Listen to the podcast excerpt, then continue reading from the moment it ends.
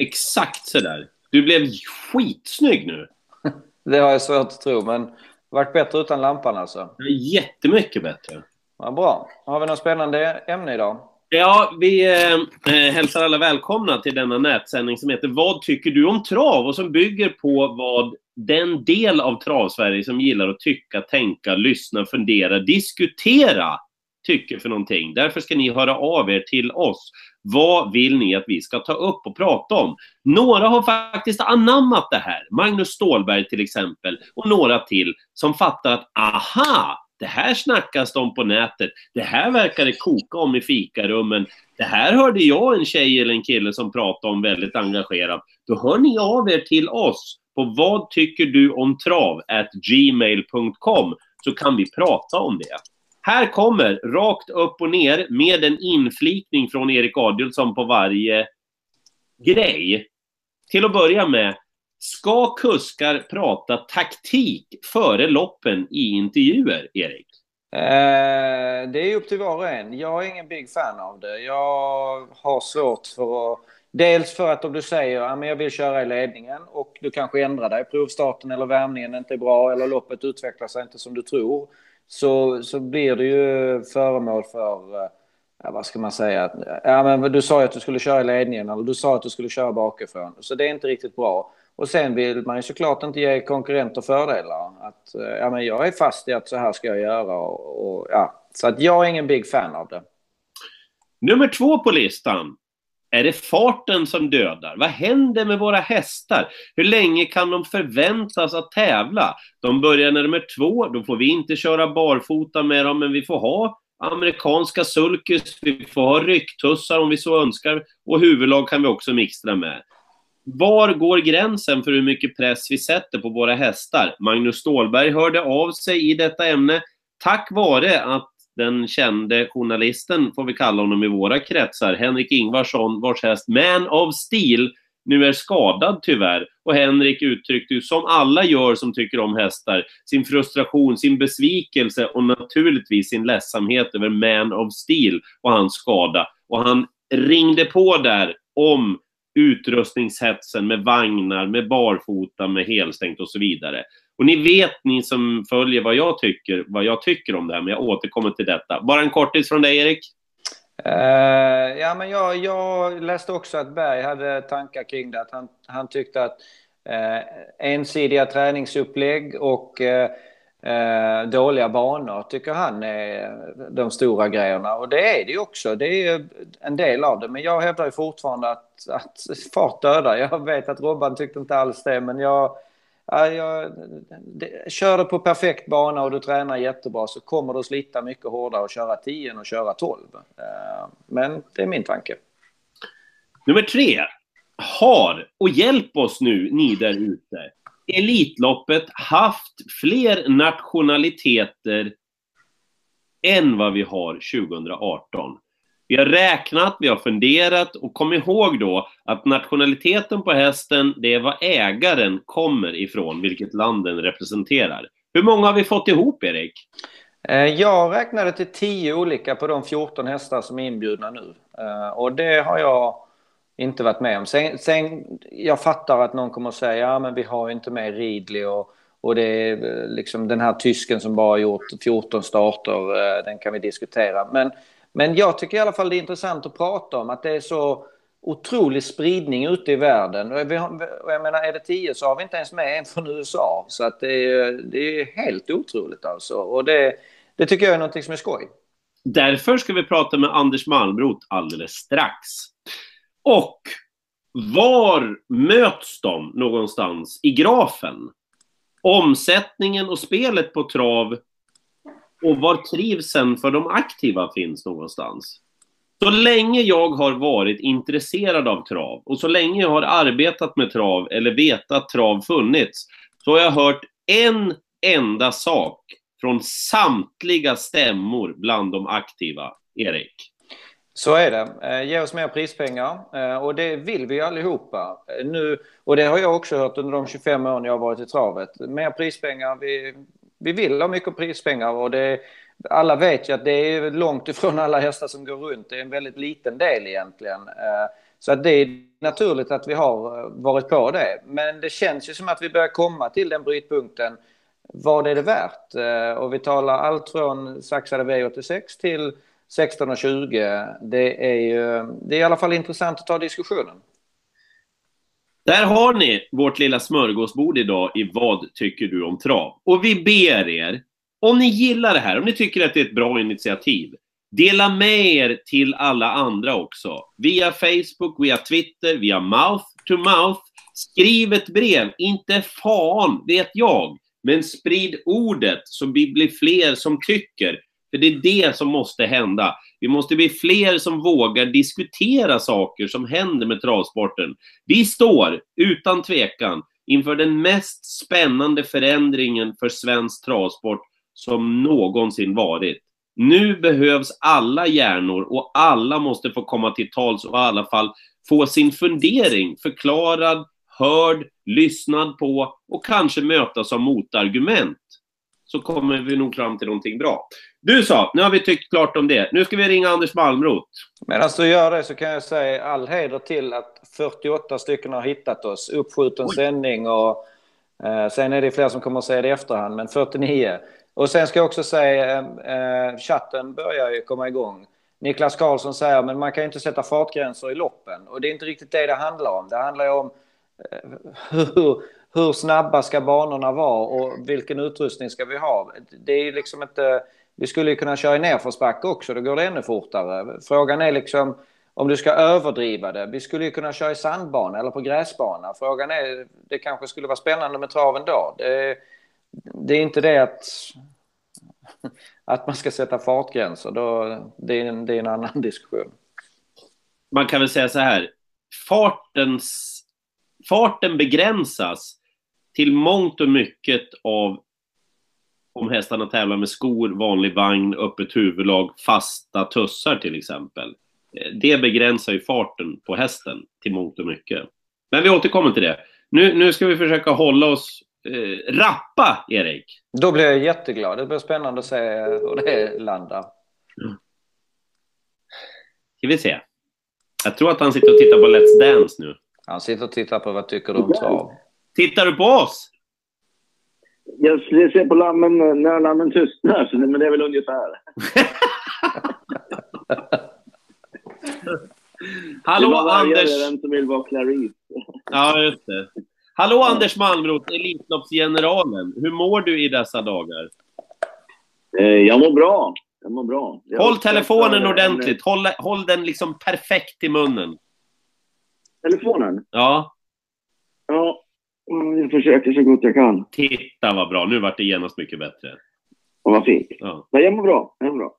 Du, du har haft någon form av inbjudningsbonanza här de senaste dagarna. ja. Försvann du nu, Anders? Nej, vänta, vänta, vänta. vänta. Ah. Vi ska i alla fall hälsa Anders att han har gjort ett kanonjobb med inbjudningarna, säger Niklas Karlsson. Jaha, prova igen nu Anders. Du har haft en inbjudningsbonanza. Hör du mig nu? Ja, nu hör jag dig. Ja, eh, ja så har det varit den här senaste veckan. Det blev eh, väldigt många, ganska intensivt också. Det var väl inte riktigt meningen, men jag har försökt att hålla vissa franska hästar hemligt. Men jag har lärt mig det här nu att det går inte att hålla vissa saker hemligt. Nej, eh, det är ju det märkligt. Det ganska snabbt. Så då är det inte så mycket att göra åt. Då får man agera efter det. Mm. Innan vi fortsätter kan jag säga att du får eh, beröm i chatten här. Eh, att du har gjort ett jättebra jobb med inbjudningarna och det var härligt att Up and Quick kom med. Så att, uh, du, har, du har vänt på steken de senaste 96 timmarna tycker jag. Mycket trevligt. Det tackar jag mycket för faktiskt. Jättekul att höra. Men det är ju ditt fel vet du, att uh, Readly Express inte startar. Nej, det är det ju Det är ju ditt fel att det, traders inte kommer heller. Jättetråkigt. Men eh, nej, det, det, det, är så med hästar och det går inte att styra överallt. Och det gick inte att få Vita Express i ordning enligt team och då är det så. Oh. Det, hyllar, det, det, eller, det ramlar in. Eh, ja, det, det, det, det känns som att många tycker att du har gjort det bra i alla fall. Hur, må hur många olika länder har vi med? Har du kollat det? Är du säker på det, Anders? Ja, tio är jag väl ganska säker på att det är. Som är representerade. Det är ju Solvallas Ja. internationella elitlopp verkligen. Ja, ja. Ja, men det- har inte varit något sådär eh, självändamål när jag började med elitloppet att det skulle vara så, men eh, när, eh, när man har sett olika hästar från olika länder vara så bra och så får man chansen att kunna bjuda in dem och mötas i olika skeden i sin karriär. Ja, det har kittlat mig ändå. Det, från eh, Orlando Jet nu som har gjort 14 starter till Appen Quick som har vunnit Frida Amerik. Eh, så ja, jag, jag är väldigt nöjd med mixen som har blivit, det måste jag säga. Hur var det för dig de där dagarna? Ja, men det blev ju, det blev ju, får vi säga det då, negativt kring Elitloppet. Urlo Deiventi hoppade av, ingen Ridley Express, ingen Cyberlane, ah, ingen Traders i Harpers. Hur var det för dig?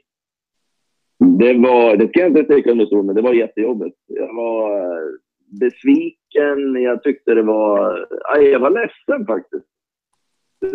Då när eh, jag fick beskeden. Det- Båda de här kom, eh, Urlo Deiventi och eh, Allaires avhopp kom i samma dygn.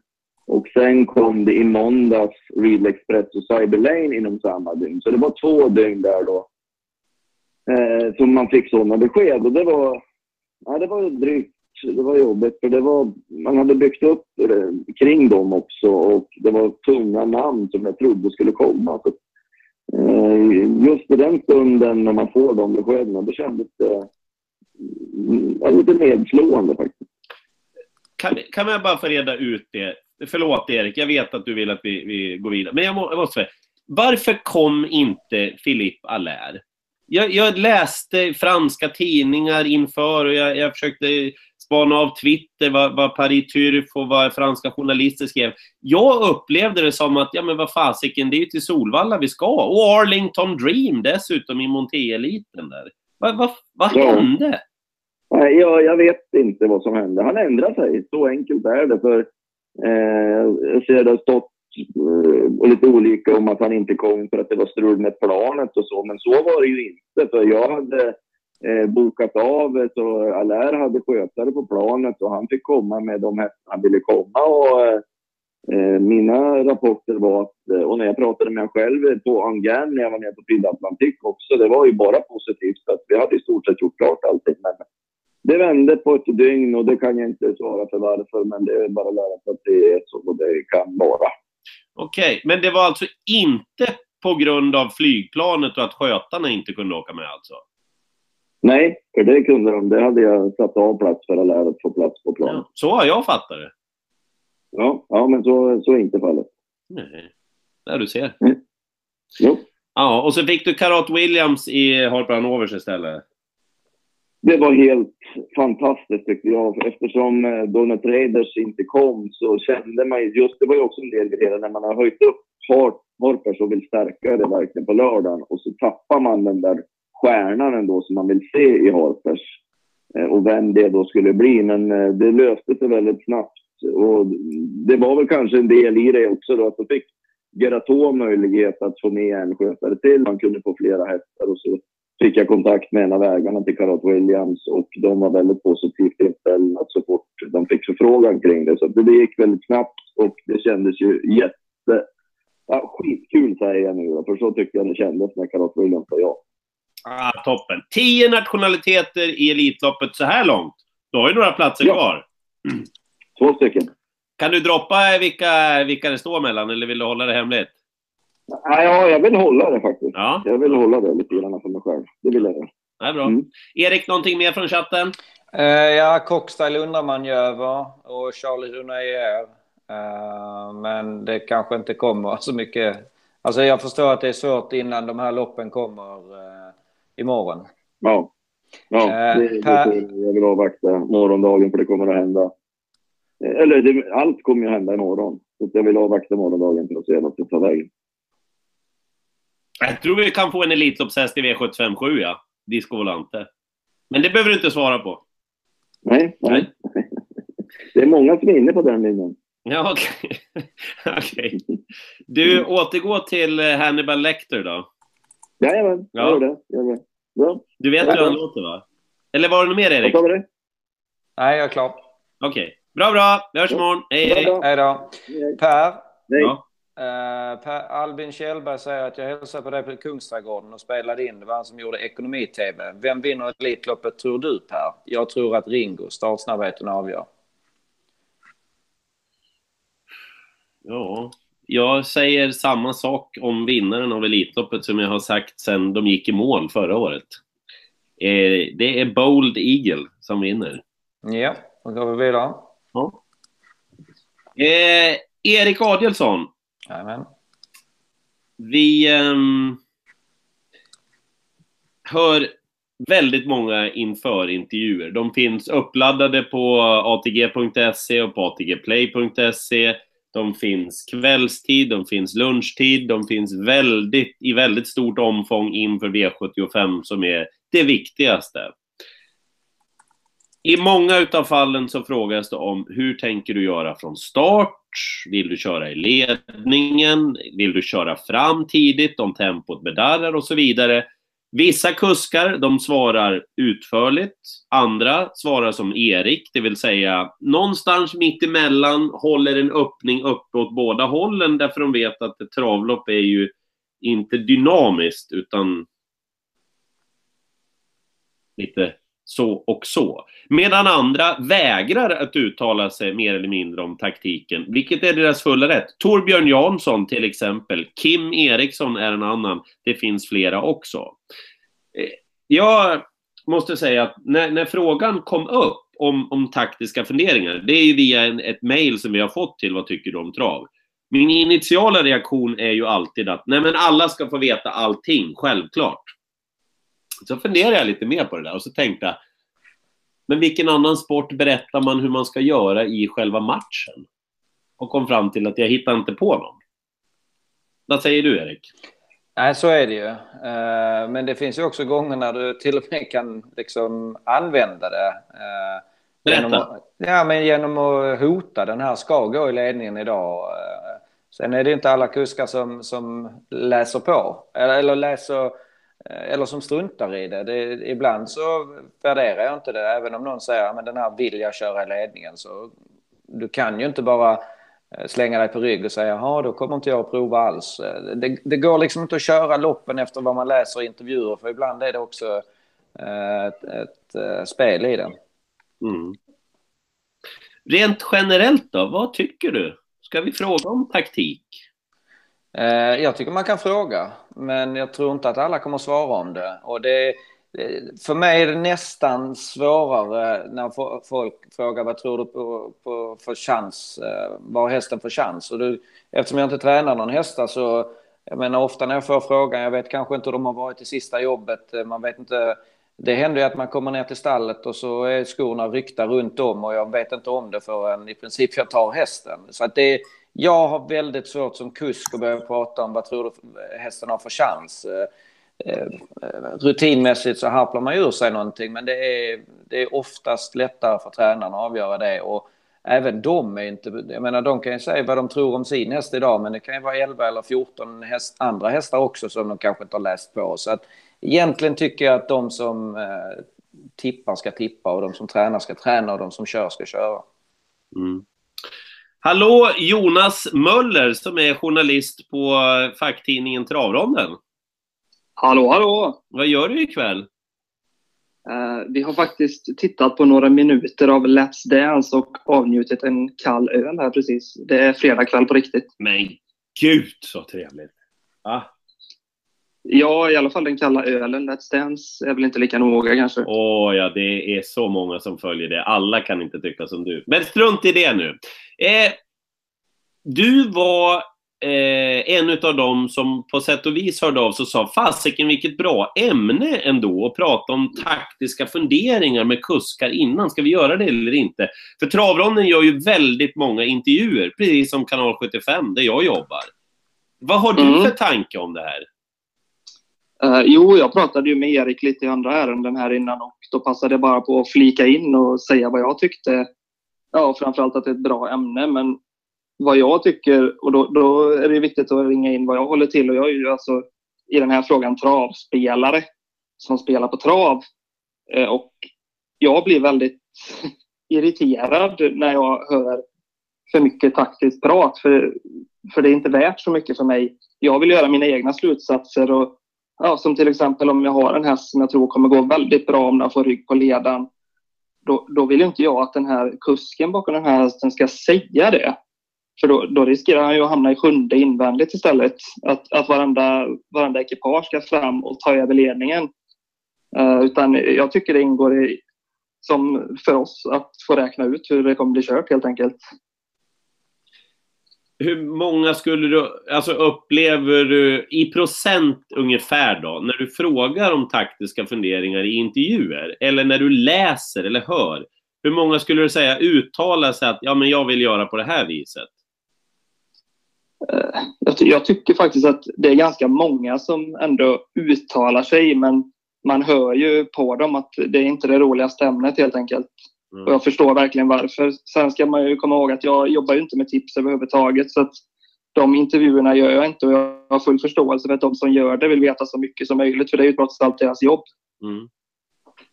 Eh, men för egen del, som sagt, som, eh, som spelare så tycker jag att ja, ju skickligare du är, desto mer kan du räkna ut och framförallt se på intryck från hästar över mål i starterna innan och liknande. Och dra dina egna slutsatser. Det är precis samma sak som du har en 3 som du tror ska köra i ledningen. Ja, då, då vet du det. Eh, sen finns det ju en annan aspekt på det också. Det är ju kuskar och tränare givetvis. Eh, jag gör ju som sagt inte tipsintervjuer, men jag är ute och gör reportage och liknande. Och, och frågar. Det, det, kommer faktiskt upp ganska ofta det här. Jag, har, jag pratade bland annat med Hans-Ove Sundberg. Han, han tyckte det var hopplöst. Och, och jag har pratat med Carl-Johan Jeppsson. Där såg man ju på hans telefon under tiden vi satt och pratade fick han sådana här hot-sms och då berättade han ju om något tillfälle där, där han var tvungen att ändra taktik. Han hade bakspår eh, och hamnade, hamnade långt fram och körde sig till ledningen fast de hade sagt att det skulle vara ett defensivt upplägg och sen ska han se sig om över axeln efter det. Liksom. Mm. Så att, jag, jag, vet inte vem det är som har någonting att vinna på, på det helt enkelt. Nej, fasiken, jag, jag var ju helt på den andra planhalvan om vi bara backar ett år kanske. Men det vete fasiken om inte jag lutar åt det också nu, att det inte... Jag tänker, ja, men jag tittar ju mycket på fotboll till exempel, hör ju aldrig någon som berättar att ja, vi kommer att spela så eller vi kommer att... Alltså man ser ju på en uppställning, ja visst, det blir förmodligen så här. Men all uttalad taktik i matchen skulle de ju inte för sitt liv drömma om att avslöja en fotbollstränare till exempel? Jag tycker faktiskt att det sista jag sa där är kanske det allra viktigaste. Vem vinner på att någon berättar om sin taktik? Vem är vinnaren? Mm. Finns det någon? Vi tackar dig där Jonas, för nu ska vi ringa en kille till. Jag tror att han eventuellt har en annan åsikt. Och det är Farnord Pirjaegar, vad tror du? ja, du får hälsa så gott från mig. Jag ska göra Kämpa det. på. Amen. Hej. Hej. Vad säger du, Erik? Eh, jag tycker, det är härligt att eh, folk eh, tar sig tid och vill vara med. Men ja, nej, vi, det kommer väl inget nytt där. Nej. Det, det, är, det är roligare, med, eller roligare, men Farnold har ju en annan åsikt gissar jag. Och han har ju också en annan situation. Ja, visst. Är det någonting i chatten? Eh, nej, de flesta tycker att taktik ska inte pratas innan loppet och varför ska man blotta sig för sina konkurrenter? Uh, spelarna är för bekväma och lata. Uh, utrustning, värmning och form är adekvat. Och det har vi ju varit inne på innan att det är otroligt viktigt med utrustningen. Mm. Uh, de flesta verkar tycka att det inte ska pratas taktik. Experterna kan säga vad de tror, men, men inte kuskar. Nej. Hallå Farnord! Tjena Per! Hur mår du? Jag mår bara bra. Själv då? Eh, jo, jag mår jättebra tack. Det är en oerhört spännande dag imorgon och framförallt årets mest spännande vecka som kommer därefter. Och du har ju legat i, och vi kan läsa lite av det du har legat i med i travronden. Bra jobbat! Ja, det stämmer. Det stämmer, det stämmer. Ja. Just nu så vill vi att, för vi har som ämne just nu är att fråga om taktik till kuskar före. Alltså, vi har haft Jonas Möller från Travronden och han tycker absolut inte att det tillhör. Ingen vinner på att vi frågar om taktiska funderingar innan. Och jag är nog inne på den linjen också faktiskt. Att jag vet inte riktigt vad det tillför och att det mer kan bli fel och att i ingen annan sport pratar man om liksom, det är ingen som avslöjar någon taktik före. Men där du jobbar, där är det ju mycket intervjuer och mycket vem tar ledningen och hur stor chans är det att man tar ledningen. Eh, du jobbar ju på, på spelvärde då. Och där, där kan man ju läsa, läsa mycket liksom att den tror vi har så mycket spetschans och vi har pratat med den och så vidare och vi tror att de gör så och så. Jag skulle vilja höra din take på det här. Um, jag, jag köper ett resonemang delvis och jag vet att jag och Erik pratat om det någonstans tidigare också, att vi har lite olika åsikter om det.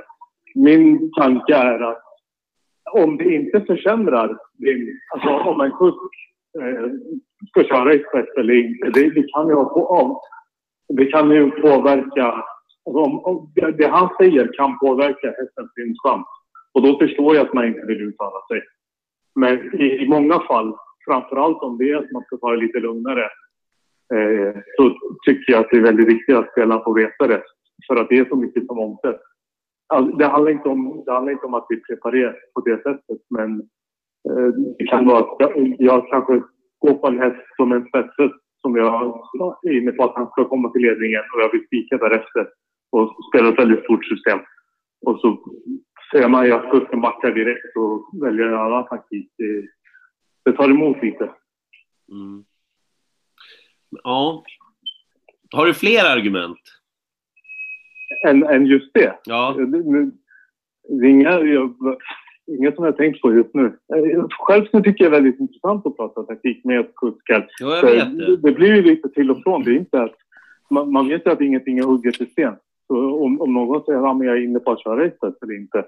Och jag tror att det, det, är så många som oavsett om man ställer frågan eller inte så pratar taktik.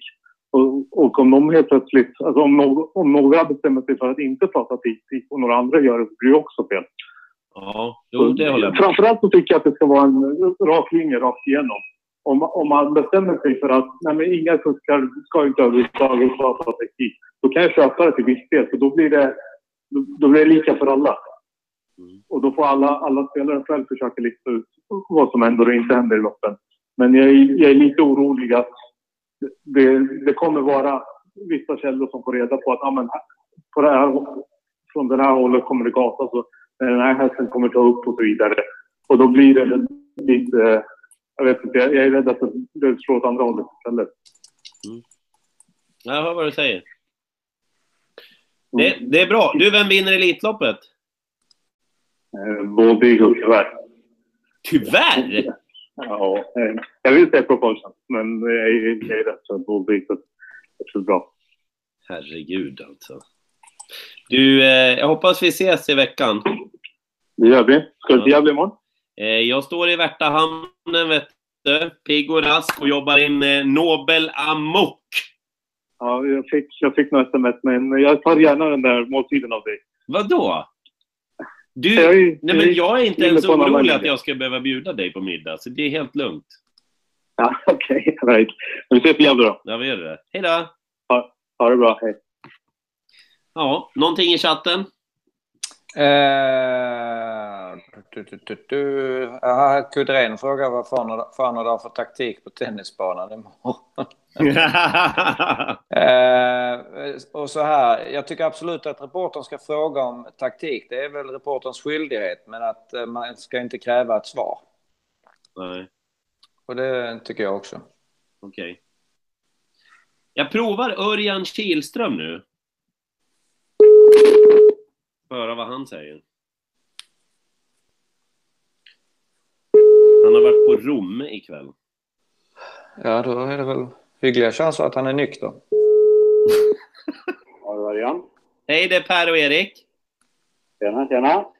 Eh, du kör försiktigt, va? Ja, just nu har jag precis tankat bilen faktiskt. Ja, vad bra. Då kommer du hem också. Ja, Erik sa precis, Ja. jag, jag sa att vi ska ringa Örjan. Ja, vad bra. Han har varit på Romme ikväll, säger jag. Då är det bra chanser att han är nykter, säger Erik. Ja, eventuellt. Du, vad heter det? Hur ser du på att svara på frågor om taktiken före loppen? Du får ju jättemånga frågor om det såklart. Ja, jag personligen så vill jag ju inte svara på det och gör ju i princip aldrig det heller. Eh, Undantaget är väl när det liksom är så uppenbart så att det är löjligt att inte Mm. svara på det. Exempelvis när vi fick välja som Perfect Spirit och då är det ju liksom, det förstår ju alla att det är med tanken att försöka hålla ledningen. Mm. Annars så, ja, jag vill, jag vill, alltså det finns ju alltid en risk att det inte blir så, även om man kanske har en plan innan så är det inte säkert att det blir så när loppet går. Och då tycker jag då vilseleder man ju bara folk. Mm. Så att jag, jag vill helt enkelt inte göra det. Får du, får du skit för det? För att du inte säger hur du vill göra eller vad du tänker göra? Nej, det är ingen som, som gnäller på mig i alla fall. Sen kanske de gnäller på, åt, åt annat håll så att säga. Men inget som har gnällt på det direkt till mig. Utan folk verkar ju respektera det. Mm. Vad- har du ändrat dig över åren? Alltså pratade du taktik när du började köra och när liksom intervjuerna började göras och så? Och så har du ändrat eller har du alltid haft samma? Ja, jag har nog kört den lite varianten hela tiden egentligen. Mm. Va, om man skulle... Vi har haft flera med innan dig här som har tyckt lite olika om det här. skulle, du, skulle du föredra om man inte frågar om taktiken alls? Ja, det är svårt att få, få det och det funkar praktiskt. Så det är klart att de som har en tipstidning, de vill ju naturligtvis luska fram sånt Mm. till sina läsare. Men, men ja, personligen så är jag inte så pigg på att få ut något sånt där. Nej. Erik? Ja, men jag, jag tror att eh, samma. Jag har redan sagt vad jag tycker. att eh, Och just det här är jag inne på. Ibland känner man ju sig dum för att du, du kanske eh, har eh, hintat lite om att ah, men jag är sugen på att köra i ledningen och så kanske du inte har det riktiga spänsten i hästen eller liksom trycket och du kanske ah, ändrar taktik eller det kanske blir hård körning första 300-400 meter så kommer det en till och så känner du att ah, jag kan inte vinna om jag svarar en gång till. Och, och, så har du då halvt om halvt lovat att köra i ledningen. Det, det blir inte roligt då alltså. Man känner sig dum. Mm. Nej. Du, Örjan, kör försiktigt. Det ska vi göra. Du, en sak bra. till. En sak till. Ja. Vem vinner Elitloppet, tror du? Ja, jag hoppas naturligtvis att jag och Propulsion gör det, men nej, det, det, det ja, jag tycker väl på förhand ser det väl ut kanske som att eh, Bold Eagle, Propulsion och Ringo Starr är de som har största chanserna, men sen eh, när loppet väl går så kan det kanske det bli någon helt annan. Men ja, det är väl vad jag, vad jag tror just nu. Ja. Du, eh, vi hörs då. Ja, det Bra. gör vi. Hej. Bra, tack. Hej, hej. Ja, vi kanske får lämna det så helt enkelt. Nu har vi hört lite olika röster om det i alla fall. Mm. Vi kommer inte kunna ge något entydigt svar på det hela liksom. Nej. Du, eh, eh, det var väl Svante Båt som skrev på sin hemsida. Nu byter vi ämne igen, nu stänger vi det där. Som skrev på sin hemsida eh, i tio år, eller i flera år, har vi skrikit om mera prispengar, skrev Svante Båt i en lång krönika på sin hemsida. Och ja, jag och Erik pratar ju ofta, det förstår ni som tittar på det här. Erik, han, eh, han tycker mycket saker och ibland vill han inte alltid tycka allting i det här programmet. Han tycker att ni ska tycka väldigt mycket också. Men just den här frågan vet jag att Erik tycker väldigt mycket om att prata om. Så därför ska han få göra det nu, vare sig han vill eller inte, tänkte jag. Ja, men till att börja med så kan jag ju nämna där i Svantes blogg så skriver han ju också att ett förslag att köra V75 och GS75 på samma bana, alltså lördag V75 och söndag GS75, att det skulle innebära väldigt mycket för, eh, eh, hästägare och skötare och kanske publik också.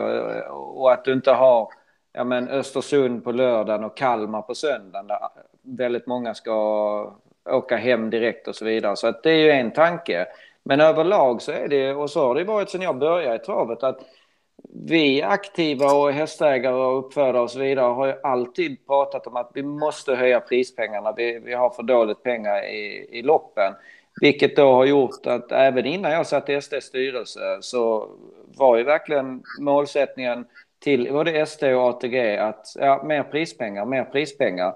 Vilket betyder att man har gått väldigt mycket för att höja omsättningen och därmed få mer prispengar. Nu har vi ju högsta prispengarna vi har haft någon gång i år. Eh, men det känns ju som att mer och mer människor börjar prata om det här. Eh, ja, men jag trivs inte att det är 16.20. Min travdag på lördagar skulle vara så mycket bättre om vi startar två timmar tidigare. Och då är ju frågan, det kan ju vara så att omsättningen går ner, det är inte säkert. Men, men om det är så som eh, Hasse Skarplöv tror, omsättningen kommer falla om vi börjar 14.30, då är det ju värt att ta diskussionen, hur mycket är prispengarna värda? Eh, om, vi, om vi säger att det var 100 000 i V75 tidigare, skulle det vara värt 90 000 till vinnaren om du har den perfekta dagen där hästägaren blir jättebra omhändertagen och vi börjar två timmar tidigare. Är det värt det på onsdagarna för att inte köra Express och Sax? Alltså det, det är i alla fall värt att ta upp diskussionen. Sen är det inte säkert att omsättningen sänks om du kör på bara Solvalla och det är inte säkert att omsättningen sänks om du kör 14.30. Men gör man sådana ändringar då får man i alla fall vara beredd på att det kan bli mindre prispengar. Och den diskussionen tycker jag är intressant för jag tror inte prispengar är allt. De flesta i Sverige vet ju, äger du häst då är det väldigt stor risk att du går back. Det är, vad är det, 30 procent tillbaka till hästägarna. Frågan är, är det en jättestor skillnad om det är 25 eller 30 procent eh, kontra hur nöjd du är med tävlingsschema och tider och så vidare. Det tycker jag är en intressant eh, diskussion. Den är ju oerhört viktig också. Den ja, och, och, och i, det här, i det ska ju nämnas att det är inte säkert att omsättningen går ner. Erik, kanske... Erik, Erik, Erik, Erik, ta om det du sa. Du försvann lite, din, ditt nätverk försvann lite grann. I det ska ju nämnas att det är inte säkert att omsättningen går ner. Den kanske går upp. Eh, men, men man måste i alla fall vara beredd på det. Kör vi bara V86 på en bana och säger att folk ska sitta tre timmar en onsdag kväll och kör vi V75 tidigare så kan den gå ner och i så fall är vi beredda på det och kanske till och med säger ja, det är värt att ta den risken. Jag bara bollar upp frågan, sen är det inte, det är bara intressant att höra vad, vad man tycker om det. Om man, om, man, om man pratar prispengar just då, för det, det är ju ofta där det, det hamnar, därför att det handlar om, om, ett ord som jag ogillar, som du hellre får säga än jag. Är det kostnadstäckning? Ja, precis. Och, det, och, så är det ju. Man, man, kan ju säga exempelvis att ja, men om en häst vinner ett lopp på Solvalla, då, då är det ju kanske, eh, som då är Nordens största och norra Europas största travbana. Det kanske är rimligt att vinner du ett lopp på Solvalla, då måste du vara klar den månaden. Då vill du inte backa den månaden. Så svårt är det att vinna på exempelvis Solvalla. Mm. Och har du då 20 000 till vinnaren, då, då går du inte runt med kusk och tränarprovisioner, utsäljningspengar, transport och, och träningsavgift. Så att eh, någonstans eh, ska, kan man ju ta den diskussionen. Att, och det är klart att det är, det är ett otroligt viktigt fundament i att vara hästägare, att du har chansen att få tillbaka pengarna. Jag försöker absolut inte spela ner det, utan mer att det är värt att ta diskussionen. Pengar är kanske inte allt. Får jag då fortsätta den diskussionen när du säger prispengar är inte allt? Jag har ju varit på rätt många breddtrav till exempel. Och nu blir det här ett tjatigt argument, jag vet det. Men de som är där, de som har de här hästarna, de som är alltid loppen är fulla, de som är där, de som är glada, de som är ja men eldsjälarna om ni så vill, gräsrötterna. Ja, de skiter ju ganska högaktningsfullt om det är 1000, 5000 eller 10 000 i första pris. Det är klart att det är jättebra att det är 10 000 i första pris i breddtravet. Alltså det är ju, för en amatör så är 10 000 i första pris, ja men vad fasiken, inte så tokigt liksom.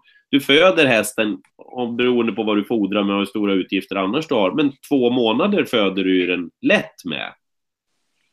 Eh, om du kör själv då, liksom, om du inte har några mera utgifter just den, de månaderna, du vinner det här loppet och så vidare. Ja, jag vet att det finns dyrare och så. Eh, jag är ju tyvärr inne på din linje, Erik. Jag tror ju att vi har gjort fel från början när vi har skickat ut en massa prispengar. Att vi hela tiden har skickat ut prispengar, prispengar, prispengar, prispengar. Att vi hela tiden har gjort det, vilket gjort att alla arenor vi har idag i Travsverige, de är ju i de allra flesta fall hopplöst efter samtiden, hur andra arenor ser ut alla pengar som skulle delas ut nu vid eh, årsskiftet, vid pokalåret. Jag hade ju, ja, jo, jag, jag säger det då. Jag hade önskat att en del av dem hade en större del investerats i framtiden för arenorna i Travsverige. Jag hade önskat att det fanns ett tänk som var ännu mer på hur vi får ut folk till travbanan. Eh, och de som verkligen kommer dit, vad de möts utav. Jag har själv arbetat på travbanor och jag vet hur mycket arbete de lägger ner där och hur det är och hur det fungerar i veckorna på en tävlingsdag med marknadsskyltning, med sponsorer, med att jaga in pengar för varje dag som går. Har vi råd att lägga på extra material på banan överskrider vi budgeten. Helskotta, nu vart det regnväder och det vart snö och nu måste vi byta. Och nu har vi gått över budgeten. Jag önskar att det fanns det andra också, precis som Erik är inne på. Vi måste ju det måste finnas en punkt där det inte bara är prispengar längre, utan att vi går över till det andra. Trivsel. Hur bemöter vi folk ute på banan? Vad möts de av? Allting kostar pengar. Vi kan inte hela tiden bara lägga på prispengar i allt vi gör. Det måste vara omöjligt att det är allt. Vad säger chatten? Eh, det är otroligt mycket. Och det är klart att prispengar inte är allt. Samtidigt så måste vi komma ihåg att drömmen om att, att ha en häst som du tjänar pengar på och så vidare. Alltså den ska vi inte glömma och det, prispengar är ju ett stort driv. Det är väldigt dyrt att ha travhästar. Så att, alltså det är ju ingen snack om att, att vi måste ha prispengar. Jag tycker bara att vi har aldrig diskuterat... Det är någon som har sagt att vi inte ska ha pris. Att vi inte ska Nej, ha... men, men jag försöker bara säga att, att det har aldrig diskuterats den mjuka sidan av det. Liksom vad, vad, vad är det värt för olika tävlingsdagar? Sen är det Alltså jag kan inte gå in på... Eh, det är väldigt mycket om att eh, V86 Express... Eh, eh, enligt statistiken så har vi förlorat 100 miljoner på den sena ändringen. Och jag skrev också... Jag var på ett möte med eh, TR, alltså de professionella travtränarna, där Hasse Skarplöt var inbjuden. Och eh, jag tror det var Lars G Dahlgren och statistiken. Just för att diskutera den här 16.20 kontra 14.30. Tyvärr mm. kunde inte Dahlgren och statistik ens komma. Så att, eh, det har annars varit ganska intressant att lyssna på det. För jag har läst statistiken, så jag har läst Dahlgren och jag har lyssnat på Skarplöt. Och det, det, jag menar, det finns ju inget klockrent... Eh, du kan inte 100% säga den här sidan har rätt eller den här sidan har rätt. Och därför säger jag att det är inte säkert att omsättningen går ner, utan den kanske går upp. Men vi måste i alla fall ska man göra en ändring så måste man i alla fall ha med sig att okej, okay, då får vi acceptera att om det går ner så är det ju. Omsättningen går den ner, då har vi andra prispengar. Alltså det är, det är väldigt svårt att få fram den, det budskapet när det, ja, jag vet inte om, om jag missförstår chatten, men det, det ja. Men vad, men alltså, om man säger så här då, då oavsett hur man hur man räknar på omsättning och hur man... Jag, jag ska säga, jag är en idiot när det gäller... Jag, jag tycker om hästar och jag står i TV och jag, jag tycker om båda sakerna. Det, ja.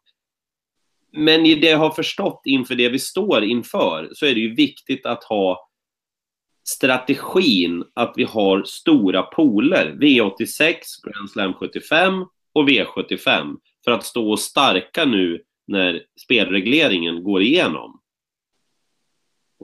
Ja. Jo, så, så är det. Jag, jag, ska läsa upp en här från Micke ja. Tindblad. Eh, är verkligen alla tävlingsdagar lönsamma sett till nettoeffekt? Det är exempelvis vissa lunchtrav. Eh, och, och så är det inte, men lunchtraven, de betalar sig själva ungefär. Alltså vi skulle kunna stryka lunchtraven imorgon, men då tappar vi nu har jag inte siffran exakt, men säg att det är 80 miljoner som ett exempel. Jag tror att det är runt 80 miljoner. Eh, då tappar vi de prispengarna. Vi kör inte loppen, men vi tappar ju prispengarna för att de betalar sig själva i omsättning ungefär. Och då är ju frågan, ja, det är klart vi kan ju ställa in eh, lunchloppen, men, men då har vi inte de pengarna att köra om.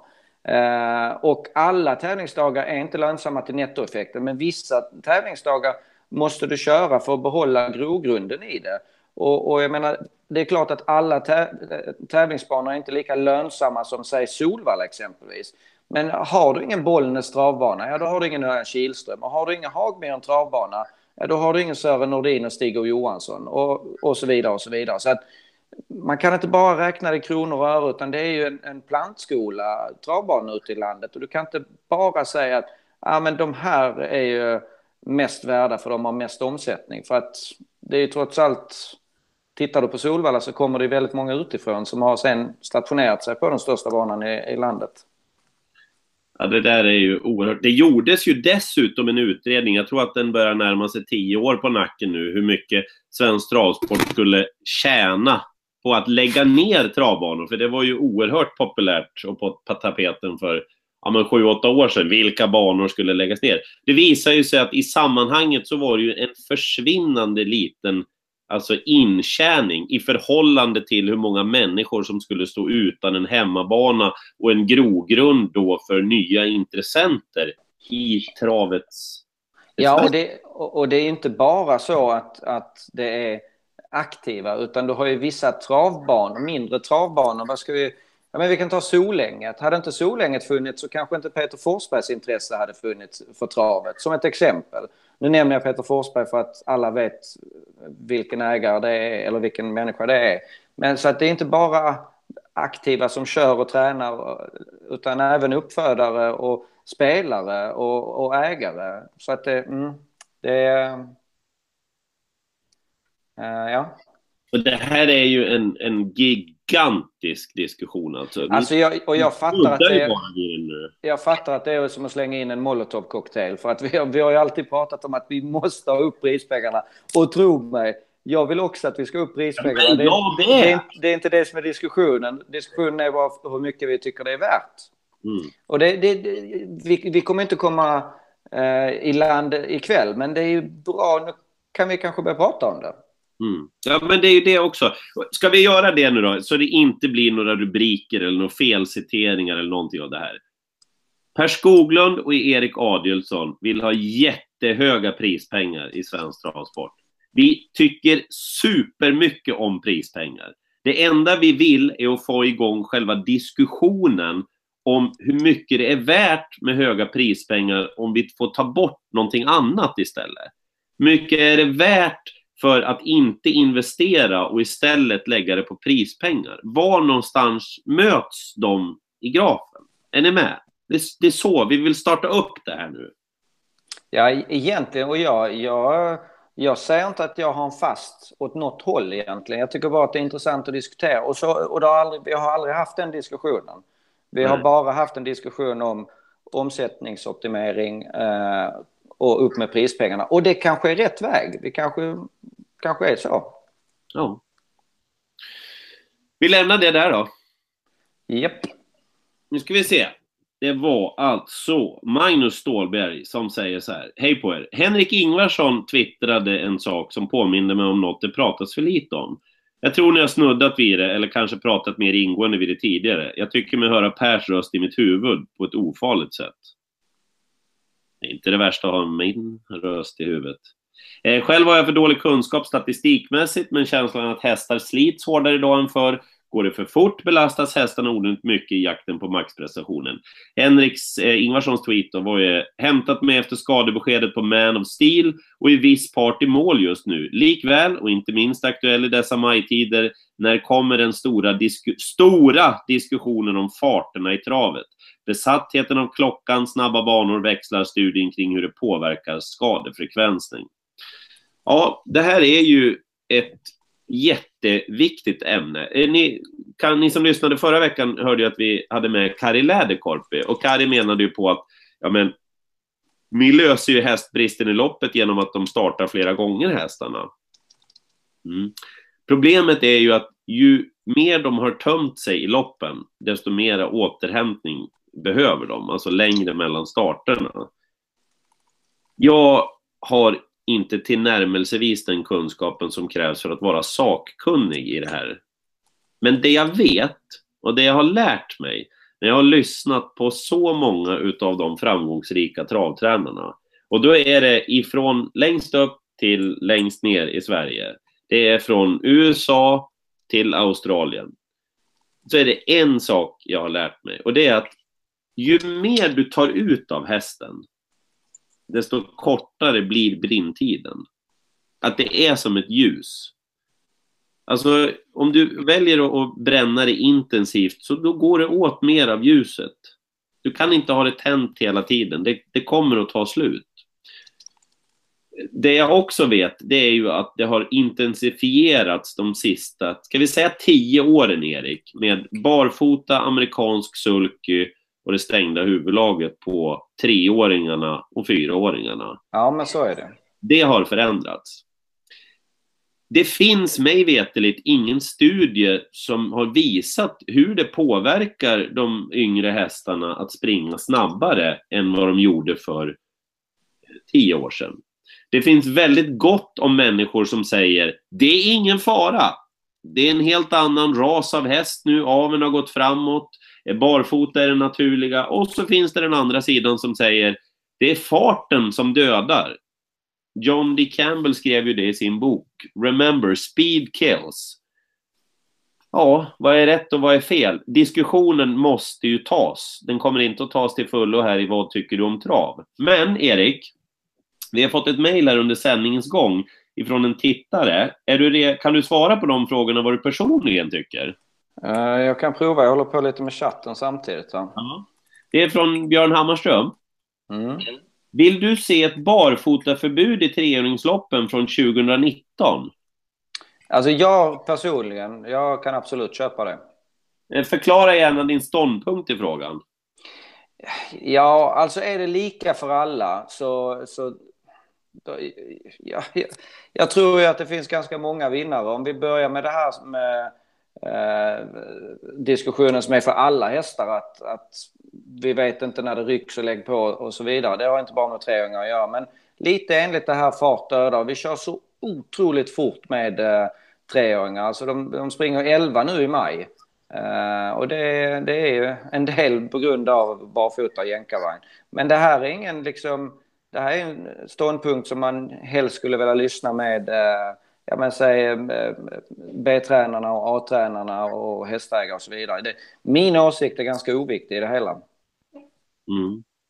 Eh, skulle treåringarna tror du få längre karriärer om de slipper barfotakörning sitt första riktiga tävlingsår? Som treåringar alltså? Då? Ja, så man provar det i Frankrike och jag, jag, tycker nog att det är lite farligt att säga att ja men titta på den här årgången i Frankrike där man körde med det, för det är en årgång. Och, och det är gått... Bold Eagle-generationen, Bird Parker, Berliner ja, och så vidare. Och, och, det tycker jag är lite farligt att ta på en årgång, men, men jag vet inte riktigt vad vi förlorar på att köra dem med skor, om du förstår vad jag menar. Charlie Dunoyer och Carrot Williams är hyggliga de också. Ja. Uh, ja. Uh, vill du ha bikeförbud i treåringsloppen inför 2019? Ja, samma där. Att... Får jag, ja, men, får jag ja. ha den? Gud vad skönt det vore.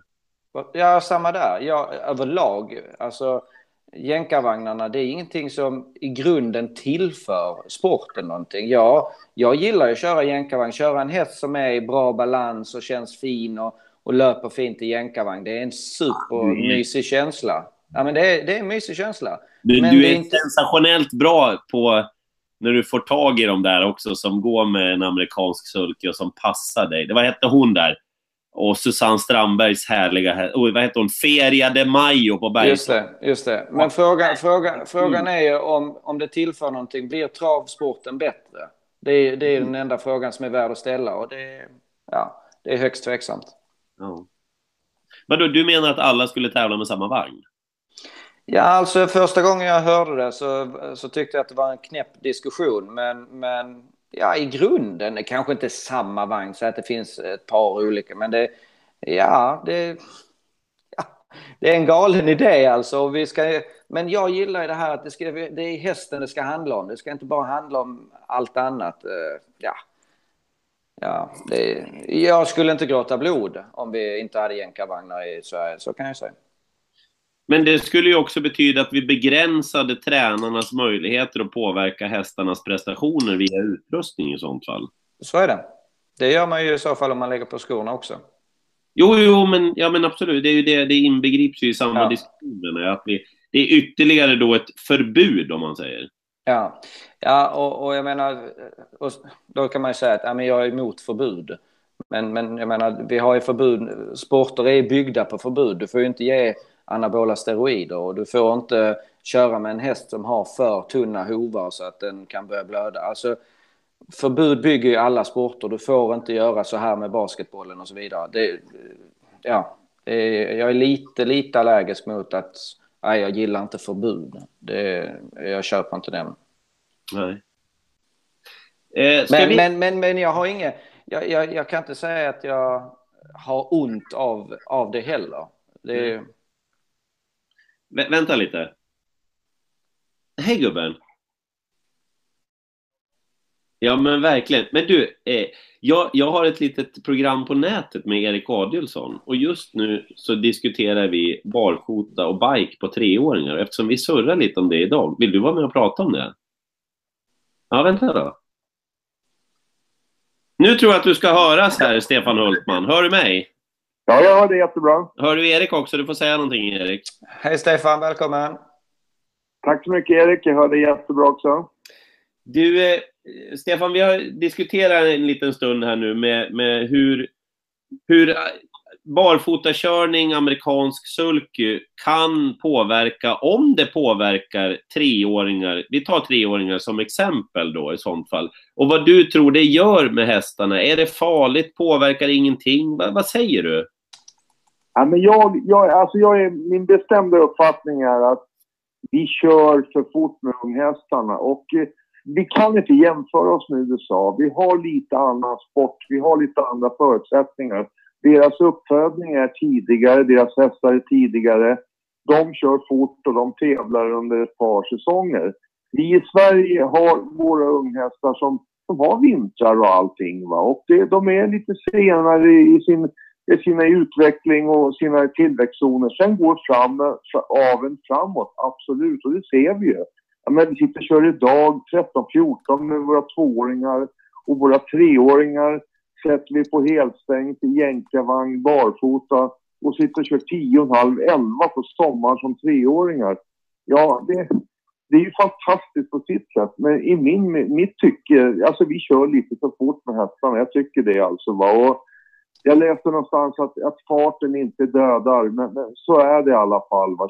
Det, det är farten som gör att hästarna får slitage och att, att vi, liksom, vi, vi förkortar lite utav utav eh, ja, åldern på dem så att säga. Det kanske låter hemskt att säga det va, men, men hur fortare man kör som unghästar med dem, hur färre år har man med dem och tävla med dem. Det är i alla fall min uppfattning. Men jag, det finns ju den andra sidan också, Stefan. Jag, jag ska förtydliga. Jag är på ditt lag i det här, för att jag gillar ju hästar som tävlar under väldigt lång tid. Jag tycker det främjar allt. Men ja. jag har ännu inte läst någon forskning eller avhandling som säger att ja, det är farligt för treåriga travhästar att tävla barfota med amerikansk, alltså att de springer fort liksom. Det finns ingen sån att läsa. Det, det, finns ju ni som har haft enorma framgångar och som säger att nej, men det är farligt med fart. Men det finns ingen forskning. Nej, men jag går lite grann på erfarenhet plus att jag är en, en travnörd och följer allt som sker och händer. Och visst tusan är det så att om du ser hästar som springer väldigt fort som treåringar och tävlar. Jag springer, alltså det är inte farligt att springa barfota, men det är inte så jag menar. För det, det, det är inte fel för hästen och, och, den är skapt och den är född barfota och så vidare och så vidare. Va? Men det är just farten att de springer lite över sin förmåga. Och, och jag vet inte, jag tycker i alla fall de är lätträknade de hästar som går väldigt fort och tävlar mycket som två och treåringar. Att de, de, har, de får ett, för, ett förkortat liv som tävlingshästar. Eh, att de, hur många hästar vinner Prix d'Amérique och Elitloppet som, som lite senare när, när de har gått väldigt tufft som, som två-treåringar? Jag tror att de är, det finns alltid undantag, aldrig regler utan undantag. Men de är ganska lätträknade, det, det är jag helt säker på om man skulle börja forska i det. Får jag hoppa in lite där Per? För Dennis Engelbo som jobbar på Travronden skriver så här. Den australiensiska professorn Chris Whitton har forskat i ämnet kring unga hästar och tävling. Jag intervjuade honom i höstas. Citat. Aveln går framåt, vilket gör att hästarna utvecklas. Det i sin tur gör det möjligt för dem att nå sin maxfart vid tidigare ålder, men det innebär inte att de är färdiga för den sortens snabbhet. Därför kan farten i loppet för unga hästar behöva stävjas. Eh, och jag, nu är jag inte säker. Dennis, om du är kvar i chatten så får du gärna skriva om det är galopp eller trav. Jag tror att det är galopp. Men men eh, ja, eh, jag ville få fram det. Jag tyckte det var bra inlägg. Men... Jag tyck, e- Erik, det där tyckte jag var, det är liksom, det är ju musik i mina öron. Det är precis det jag menar va. Och eh, jag köper Stefan Melanders och de här som vill köra sina hästar barfota. Jag älskar också att köra mina hästar barfota. Men man får vara försiktig och göra det för tidigt. Och det är inte det att det är fel att köra barfota. Precis som man säger i den här, den här den här veterinären då att det går lite för fort alltså. Va? Och du plockar fram maximum med hästarna för tidigt. Jag är helt övertygad, alltså det kan ingen ändra min tro på i alla fall, att hästarna utvecklades bättre när man körde med skor med dem och de fick lära sig att böja på knäna och allting. Och så hade man de här etsen i rockärmen och plocka ut med dem när de blev äldre sen. Att man kunde plocka av skor sätta på helstängt och jänkarvagn och allt det här. Va? Och eh, det, det, det är bara så. Och Vi ser i Frankrike. Jag är egentligen ingen människa som är, som är, är för förbud. Men, men alltså, i Frankrike där har man infört förbud för att köra barfota med treåringarna. Och det, det är liksom för att hjälpa de mindre tränarna som... Alltså idag, om du, om, har du inte en treåring idag som kan vara med i matchen redan i maj månad och springa de här korta, snabba tiderna, då blir de mindre tränarna De blir av med sina hästar för att det är liksom hela samhället och allting kräver att allt ska gå mycket fortare hela tiden. Va? Så jag tror att det skulle hjälpa hästen om vi införde ett barfotaförbud som treåring. Eh, jag ska också lägga in eh, Jonny Johansson som har Harry Haythrow. Han säger han hade inte tjänat 500 000 om han varit tvungen att tävla med skor och vanlig vagn. Men dock tycker jag det är bra med barfotaförbud för treåringar. Ja, det är också, det är också och så, klokt. Alltså. Och sen säger, det finns alltid exempel liksom. Sen säger Mikael Johansson, en annan parameter att ta in att dagens travbanor är inte designade för de farterna hästarna springer 2018, mer 1980. Hade vi haft bättre formade travbanor hade nog slitaget varit mindre. Och så är det säkert också. Alltså om du kör ja. på en milebana kontra en tusenmetersbana. Det så. Va? Och jag menar, vi vet också det att kurvorna, våra tusenmetersbanor som är lite mindre då. Det är klart som sjutton om vi hade haft längre banor, mindre doseringar, längre kurvor och kanske också att, det, att vi slipper då våra perioder när det är lite stummare banor, att, att det också sliter mindre. Så är det ju också absolut alltså. Eh, per? Mm. Ska vi be Stefan om eh, en uh, fundering kring förra ämnet? Uh, ja, förlåt, jag, jag satt och tänkte på tillväxtzonen nu hos hästen. När de sluts och inte. Fram, fram, tillväxtzonerna på framknäna som är egentligen våra handleder. Hästen har egentligen bara två knän, det är bakknäna. Vi pratar alltid om framknän. Men det är som våra handleder, carpus alltså. De är inte slutna helt och hållet. Det där varierar ju givetvis. Och den, den siffran, det, den årstid, eller året har ju gått ner, eller månaderna har ju gått ner lite grann. Men man pratar cirka tre och ett halvt år. Och då vet vi det alltså att tidigt treåringar som springer fort, de är inte tillväxtzonerna riktigt slutna på. Och det är ju inga, inga, det är inga överraskningar att de, när vi böjer ihop en häst som unghäst, liksom när vi letar lite fel, om de har hängt lite tömmer och bryter lite, då är det framknäna som, som vi har, vi hittar lite reaktioner i. Och det kommer av att de lederna inte, de tillväxtzonerna är inte slutna och det är de som får ta lite, lite stryk då när vi kör för fort med våra unghästar. Det är bara så. Det, det, är liksom, det är min tro alltså. Det är min, min erfarenhet och min kunskap jag har i alla fall. Jag är övertygad om det. Som, som tillägg i det där kan jag säga, jag är ju uppväxt med kallbloden, Stefan. Ja. Och de slutar ju sina tillväxtzoner ännu lite senare då. Ja, Och det ja. är ju framknäna framför allt som är problemen för de kallblodiga yngre Ja, hästarna. men det är så. Det är liksom, det är ingen som kan påstå något annat. De som gör det, jag, jag, vet, jag, jag ska inte kritisera de som gör det, men det, jag är övertygad om det, att det är bara så. Men Det vet vi och det har vi forskning att gå och titta på. Det vet man rent veterinärmässigt att så är det alltså. Va? Det är sanningen utav allting. Ja, dra din Erik du. Förlåt mig, jag varit fördjupad i det där bara. Nej, men det här med eh, omsättningsoptimering och så vidare. Ja, vi diskuterade innan här hur, nej men så länge jag har varit involverad i trav på något sätt så har den enda signalen som har kommit från aktiva är höj prispengarna. Ja, Eh, vad som helst, alltså gör vad som helst men, men höj prispengarna och då är ju det det enda sättet som man eller det har ju funnits två sätt. Det ena sättet det är att staten skulle ha gett efter i mer procent, att vi hade så betalat mindre till staten. Och det andra Ja, det. sättet är att höja omsättningen. Mm. Eh, och då får man ju optimera allt då, eh, vad gäller tävlingsplanering, vilka spel, hur lägger man upp det och så vidare. Det är ju sättet att få upp omsättningen på trav. Mm. Och vi diskuterade eh, nu, vi ville bara bolla upp frågan, liksom var... Är det det viktigaste vi har? Är det prispengarna? Är det det viktigaste?